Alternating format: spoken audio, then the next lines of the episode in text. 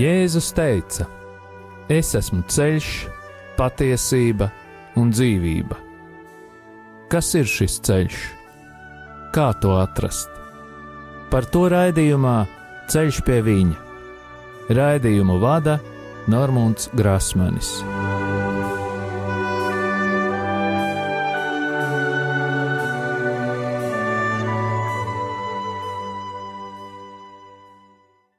Lai ir slavēts Jēzus Kristus! Atkal ir piekdienas vakars, un ēterā raidījums Ceļš pie viņa. Man ir prieks ar jums atkal satikties, dārgie radio arī klausītāji. Vēlos atgādināt, ka raidījuma e-pasta adrese ir ceļš pie viņa at gmail.com. Aicinu jūs rakstīt savus atsauksmes, varbūt kādam ir kāds komentārs, varbūt kāds jautājums. Esmu pateicīgs visiem tiem cilvēkiem, kur atceras mani un pārējos rādījuma arī darbiniekus un brīvprātīgos savās lūkšanās.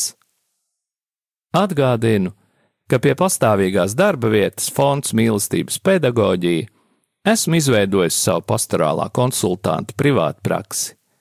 Ja kādam ir vajadzība pēc pastorālās konsultācijas un personiskas aizlūgšanas, esmu pieejams, un mans telefona numurs ir 274, 77, 166, vai arī atrodams mūsu mājaslapā mīlestības māja.lv. Šodien mēs apskatīsim tādu fiziskās un garīgās attīstības vingrinājumu kā vipassana.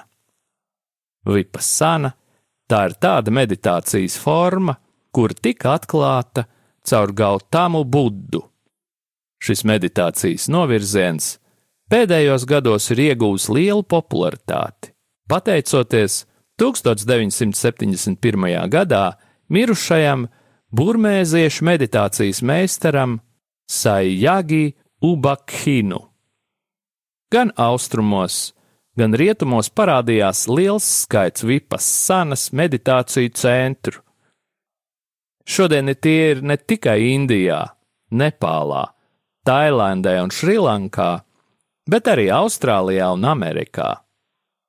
Daudz katoļu priesteri, konsekrētās personas un lai izmanto vipassana meditācijas rekolekcijās, lai tā palīdzētu viņiem atteikties no pasaulīgām aktivitātēm. Kāda tad ir vipassana mācība? Indiešu meistars S.N. Goenga, kurš dzimis 1924. gadā, bija nozīmīgākais no Saijagi Uba Khin skolniekiem. Viņš noliedz jebkādu saistību starp vipassana meditāciju un budismu. Viņš propagandēja vipassanu kā tehniku, kam nav nekādas saistības ar reliģiju. Tomēr mēs mēģināsim izskaidrot, ka vipassana ir pieskaitām pie teravāda budisma novirziena, kas tiek saukts arī par mazo pajūgu. Šī tehnika vienmēr ir bijusi daļa no teravāda budistu mūku dzīves Valoda un saturs ir pārveidoti, lai to piemērotu rietumu domāšanas modelim. Tādējādi šī metode pagājušajā gadsimtā kļuva pieejama arī parastajiem cilvēkiem, īpaši Burmā, kur ir radušies daudzi no vipassana centriem. Saskaņā ar Goēnka teikto, jēdziens vipassana nozīmē introspekciju vai skatienu vērst uz iekšpusi. Šis skatiens atbrīvo no iznīcīgajiem dzīves, ciešanu un egoismu skatieniem, aspektiem. Tādējādi vipassana esot metode, ar kuras palīdzību būtu jāredz realitāte tāda, kāda tā ir. Saskaņā ar klasiskajām tradīcijām, vipassana ir cieši saistīta ar ideju, ko sauc par samatha. Tas nozīmē nomierināties, kļūt mierīgam ar meditācijas palīdzību. Ar to tiek domāts stāvoklis, ko varētu apskatīt kā domu koncentrēšanu uz kādu noteiktu mērķi.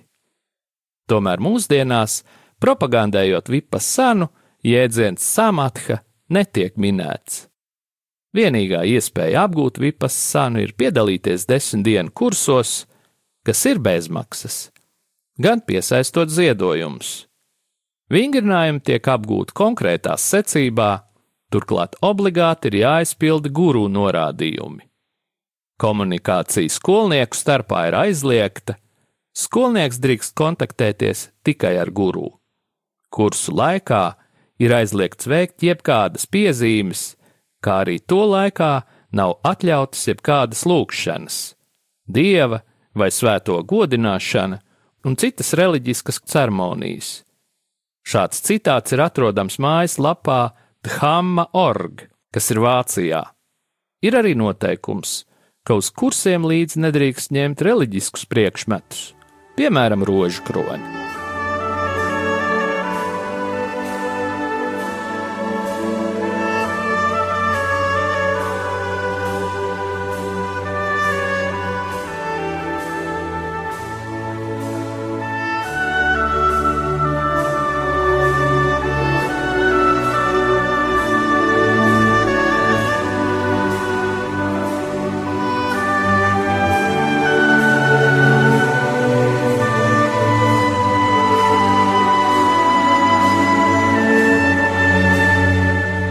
Tagad varbūt salīdzināsim vipassānu un klasisko budismu. Savā grāmatā The Discourse Summaries Goenka uzsver, ka vipassāna nav reliģiska meditācijas forma. Nav svarīgi tas, vai kāda persona no vienas reliģijas pāriet uz citu, bet, da, bet gan tas, kā tā maina savu neveiksmi pret veiksmi, nezināšanu pret zināšanu, savu verdzību pret brīvību. Šajā grāmatā ir iekļauta arī klasiskā patvēruma formula, precīzāk, trīs dārgakmeņi, kas ir jāapzinās katram budas skolniekam.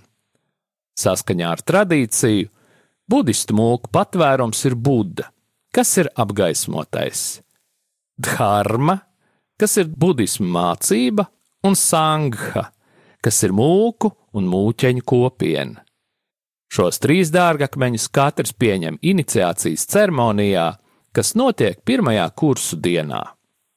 Tibetas budismā jēdzienam patvērumu pieņemšana ir ļoti līdzīga nozīme. Tā parāda robežu starp tiem, kuriem patiesi ir aicinājums kļūt par budistiem, un tiem, kuriem kopiena ir vienkārši tuva. Viens no klasiskajiem teravada rakstiem - Vinaja Pitaka uzsver formulas būtiskumu. Pēc tam, kad Jasa bija pieņēmis visus svarīgos norādījumus, viņš teica: Es pieņemu Budu, Dharmu un Sanghu par savu patvērumu, un lūdzu cildenos pieņemt mani par savu laju brāli, kas ir atgriezies no šīs dienas līdz pat dzīves beigām. Galvenā vipas senas doma ir pārvaldīt visa veida ciešanas un jūtīgumu, ar ciešanām nedomājot tikai fiziskās sāpes. Vipas senā ciešanas ir plašāks jēdziens.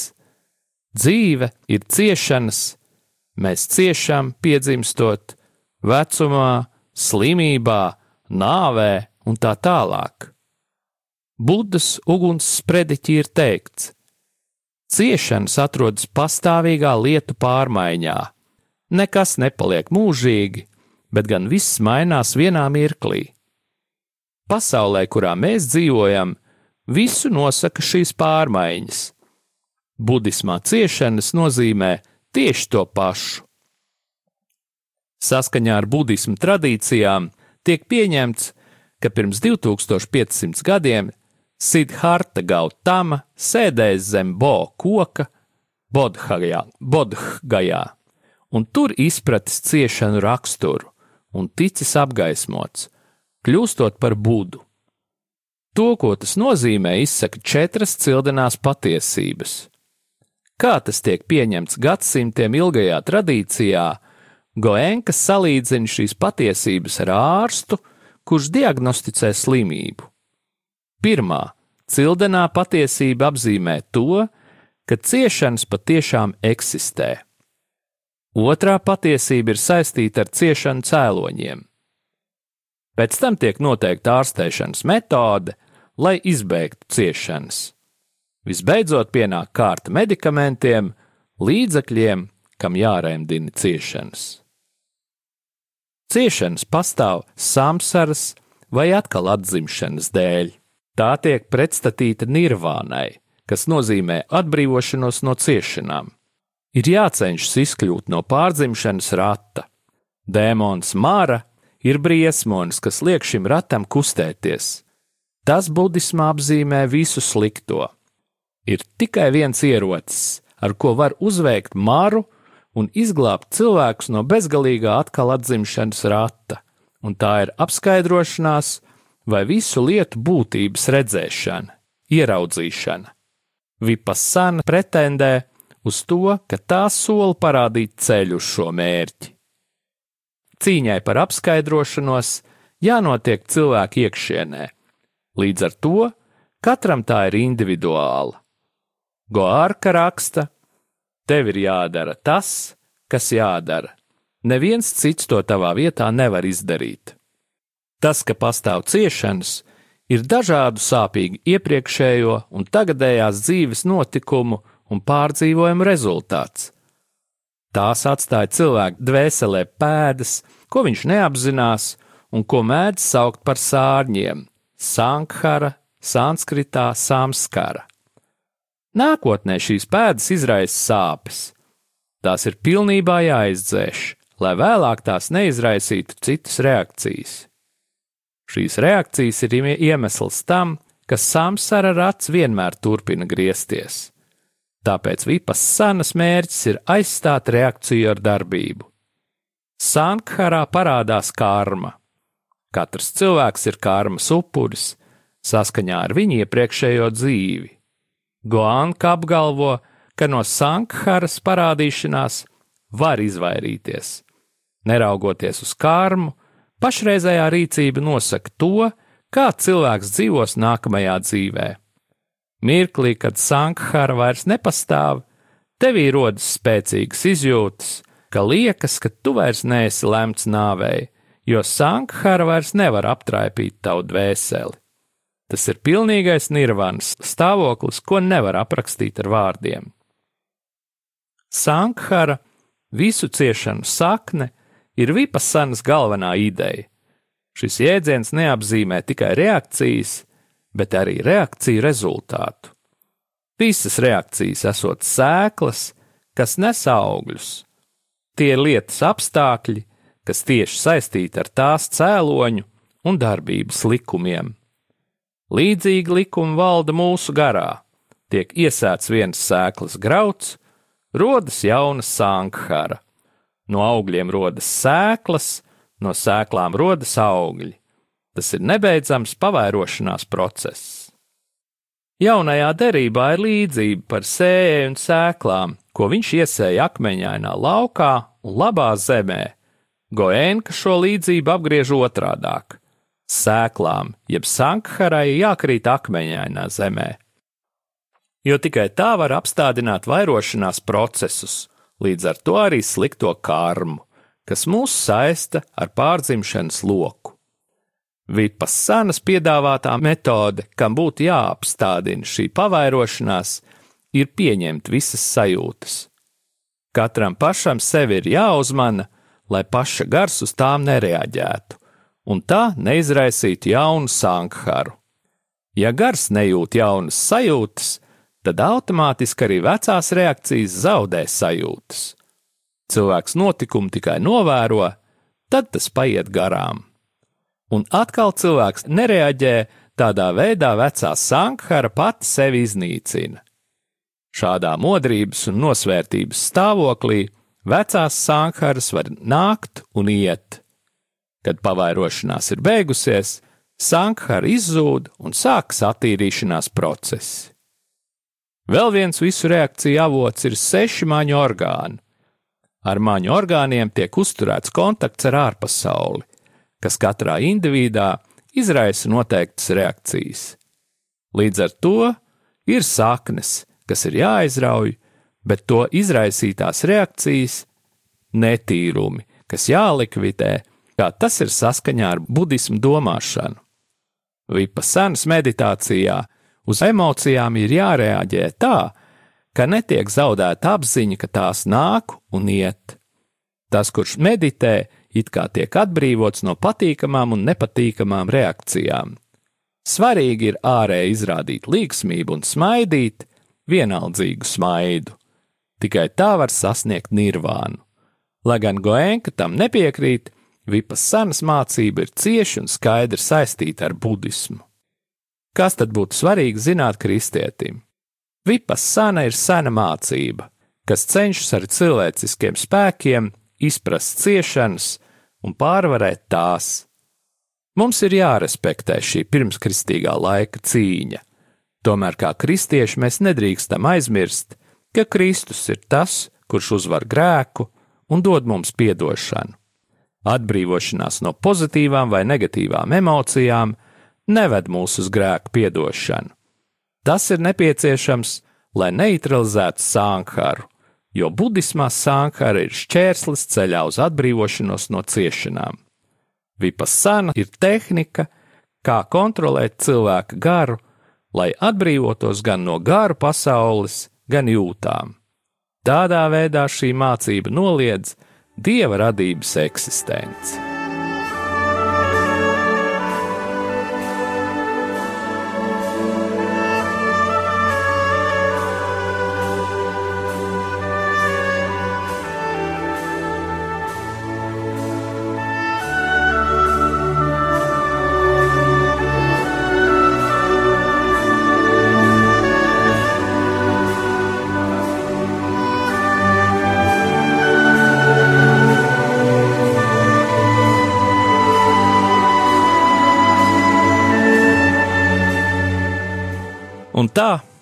Atkal prom no maldiem. Pagājušajā raidījumā apcerējām jokošanos. Cerams, jums izdevās pajokot ar Dievu, un jūs tikāt piepildīti. Ja jau cietais tevī gluži labi pazīst Jēzu, varbūt šīs nedēļas laikā es piedzīvoju jaunu pieredzi. Vai tev izdevās? Turpinot mūsu garīgos vingrinājumus, atkal uzdosim kādu jautājumu. Vai Dievu patiesi iespējams sastapt? Kā vispār ir iespējama tikšanās ar Dievu? Tas ir ļoti svarīgs jautājums. Jā, es varu satikt cilvēku, kuru redzu, un tad kopā kaut kur doties un sarunāties. Bet vai tiešām iespējams sarunāties ar Dievu? Un, ja ir, tad kā? To labāk atklās kāda līdzība. Mēs dzīvojam trijās pasaulēs, jeb precīzāk izsakoties, trijās fāzēs. Pirmā no tām ir dzīve mātes klēpī, kur pavadām deviņus mēnešus. Otrā dzīve ir šeit uz zemes. Te cilvēki nodzīvo varbūt 80 gadu, dažs 90, cits 30. Un tad mēs nonākam trešajā pasaulē, kas ir mūžīga. Tomēr visu šo laiku ik viens no mums paliek tas pats cilvēks. Ir tik interesanti vērot, kā Dievs to visu ir iekārtojis. Deviņus mēnešus bērns dzīvo mātes klēpī. Ja būtu iespējams viņam pavaicāt, kur ir tava mamma, mēs visticamāk saņemtu atbildi: Mamma? Es viņu nekad neesmu redzējis. Tā tad mammas nemaz nav. Jā, nu dien, bērns mātes miesās savu māti nevar redzēt taču tiklīdz bērns ir piedzimis, tiklīdz ticis ārā no pasaules, kas ir mātes miesās, viņš var ieskatīties māmiņai acīs. Līdzīgi notiek arī šajā zemes pasaulē. Ja pavaicāsim kādam cilvēkam, vai viņš pazīst Dievu, varam saņemt pārāk steidzīgu atbildi: Nē, es Dievu nepazīstu. Kurš gan spēja saredzēt Dievu jau tagad? Taču reiz mēs piedzimsim, atstājot šīs zemes klēpi. Parasti mēs to saucam par nāvi. Tomēr patiesībā tā ir piedzimšana. Viss atkarīgs no tā, no kuras puses mēs uz to lūkojamies. Ja no zemes dzīves puses, tā ir nāve, ja no mūžības puses, tā ir piedzimšana. Tātad, kad reiz būsim piedzimuši no šīs zemes klēpja mūžīgajā pasaulē, tad skatīsim dievu vaigu vaigā. Tā teikt, svētajos rakstos. Tomēr ar vien vēl paliek tas pats jautājums, kā es jau šajā pasaulē varu ieraudzīt dievu? Vai varu viņu satikt? Pavaicāsim vēl nedzimušajam bērnam, kā viņš šajā fāzē var satikt savu mammu. Droši vien viņš nezina atbildi, tomēr atkal un atkal to dara. To apliecina gan ārsti, gan māmiņas pašas. Kad sieviete gaidībās uzliek roku sev uz vēdera, bērns ar galviņu atrod uztaustu plaukstu, lai ļautos glāstam. Bērns ļauj, lai viņu pājā. Tas nozīmē, ka bērns jūt mātes roku. Kad māmiņa ir priecīga, bērniņš viņas klēpī spārdās. Viņš spēlējas un bunkšķinās ar rociņām un kājiņām, un kad māte ir slima vai bēdīga, tad viņš cieš. Bērns cieš līdz ar viņu. Tātad, uzdodot jautājumu, kā bērns var piedzīvot, ka viņam ir māte, atcerēsimies par bērnu spēju piekļaut savu galviņu vietai, kur atrodas māmiņas plauksta, vai arī spēju izjust to pašu, ko izjūt viņa.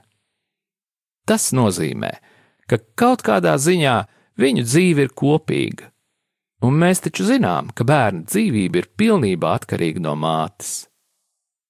Ja vien būtu iespējams, ka kāds, kurš pazīst bērnu māti, ierastos no ārpasaules, lai viņam par māmiņu pastāstītu, tad gan bērns brīnītos: Ak, cilvēk, man patiesi ir māte! Viens no ārpasaules te bija. Viņš tā teica. Taču bērns vēl nevar doties ārā. Divus, trīs, četrus mēnešus vecs bērniņš vēl nedrīkst piedzimt. Viņam jāpaliek mātes miesās. Ak, ja vien kāds spētu pie viņa ienākt un pastāstīt par māti, tad gan bērns zinātu, man ir skaista māmiņa. Tā mani paņems rokās, kad nomiršu šai klēpja pasaulē. Kādas labas rokas, mana māmiņa, mani satvers. Tam, ticēdams, bērns jau piedzīvo nākamību, piedzīvo mātes klātbūtni. Un ja kāds saka, tu esi vislielākais māmiņas dārgums, bērns tiešām priecājas. Jā, gan, es patiesi esmu savas māmiņas dārgums Mana māmiņa ir te. Tāda lūk ir atbilde uz mūsu jautājumu. Tu dzīvo šajā pasaulē un nezini, kas ir tur ārā. Mēs nezinām, no kurienes šajā pasaulē ienākam un kas ar mums notiks pēc nāves. Nav tādas zinātnes, kas mums spētu sniegt atbildi. Tu zini tikai to, kas ir šajā pasaulē. Par to Atēnās runāja arī Svētais Pāvils. Mēs esam Dievā, mēs dzīvojam un kustamies Viņā. Tātad te mēs esam iekļauti Dieva klēpī. Mēs visi esam Viņā. Viņa mīlestība un rūpes, kas mūs apņem, patiesi ir kā klēpis. Tātad mēs varam satikt Dievu jau šeit, uz zemes, turklāt pavisam vienkārši ja tuvojamies viņam, lai pieglaustu savu galvu, viņa plaukstai.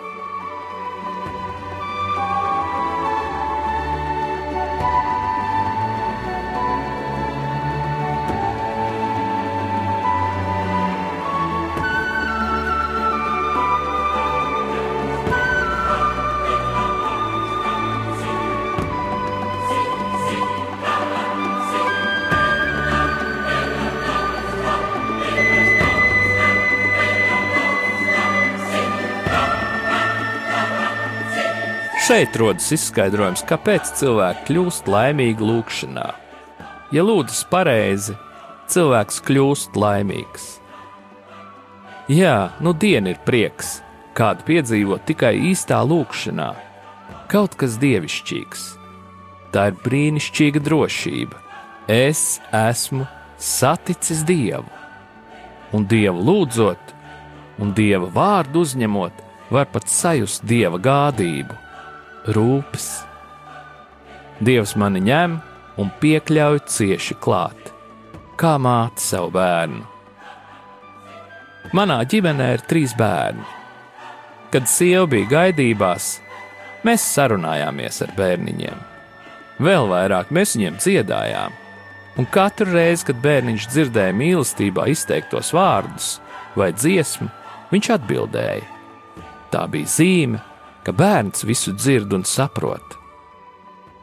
Tā kā mēs spējam uztvert ko tādu, ko varam saukt par iekšēju dieva runu. Tas nozīmē, Dievs runā manā sirdī, un es to spēju saprast gluži tāpat, kā vēl nedzīvis bērns savas mātes sacīto. Vai arī, kad patiesi atdod dievam savus grēkus, tad izjūt prieku un brīvību. Nu, es varu turpināt ceļu kopā ar Dievu. Turklāt tas nozīmē, ka arī Dievs ir spēcīgs. Turpretī, ja palieku grēkos, tad ir tā, it kā Dievs vairs nevarētu uzlikt savu roku man uz galvas. To var pat sajust. Tātad tas nozīmē, ka jau šajā pasaulē iespējams piedzīvot, sajust Dievu. Tas ir tieši tas, ko saucam par reliģiju. Un reliģijām jau ir dažas atklāsmes par Dievu, līdzīgi kā bērnam mātes klēpī. Taču nevienmēr tās ir pavisam drošas, jo visas reliģijas jau arī ir tepat šajā pasaulē. Tāpēc tās nevar pasakīt, kas ir tur ārā. Muhameds ir tikai cilvēks, un Būda ir tikai cilvēks. Konfūcijas, Laodzī un vēl citi viņi ir tikai cilvēki. Visi svētie ir tikai cilvēki. Tāpēc viņi var runāt tikai par to, kas ir te uz zemes, nevis par to, kas ir ārpusē. Lai es varētu sastapt dievu no ārpuses, vai arī uzzināt, kurš ir dievs, pie manis jāierodas kādam no ārpusaules. Pasaules vēsturē ir tikai viens cilvēks, kurš pie mums ir atnācis no ārpasaules, un tas ir Jēzus no Nāceretes. Viņš ir teicis, ka ir no turienes, viņš ir Dievs, tātad ne no šīs pasaules. Nepiesaistīts šai pasaulē, brīvs no grēkiem. Viņš ir atnācis pie mums, kļuvis cilvēks Viņš ir atnācis, lai izstāstītu, kas ir tur, ārpusē. Tas nozīmē, ka informāciju no ārpasaules man var sniegt tikai Jēzus no Nāceretes. Kopš viņa atnākšanas mēs zinām, kas ir ārpusē. Mēs zinām, kas ir nāve. Daudz cilvēku gaida, kad nomirs, tāpēc ka nāve patiesībā ir piedzimšana un tagad saņemiet pāvesta Franciska svētību. Kungs Jēzus Kristus, lai ir pār mums, lai mūs svētītu, lai ir pie mums, lai mūs pavadītu, lai ir ar jums un mums, lai mūs aizsargātu, lai mūs svētītu Dievs Tēvs un Dēls un Svētais Gars, lai asins un ūdens, kas izplūd no Jēzus Kristus sirds, izplūst pār mums un lai šķīstītu atbrīvo un dziedina.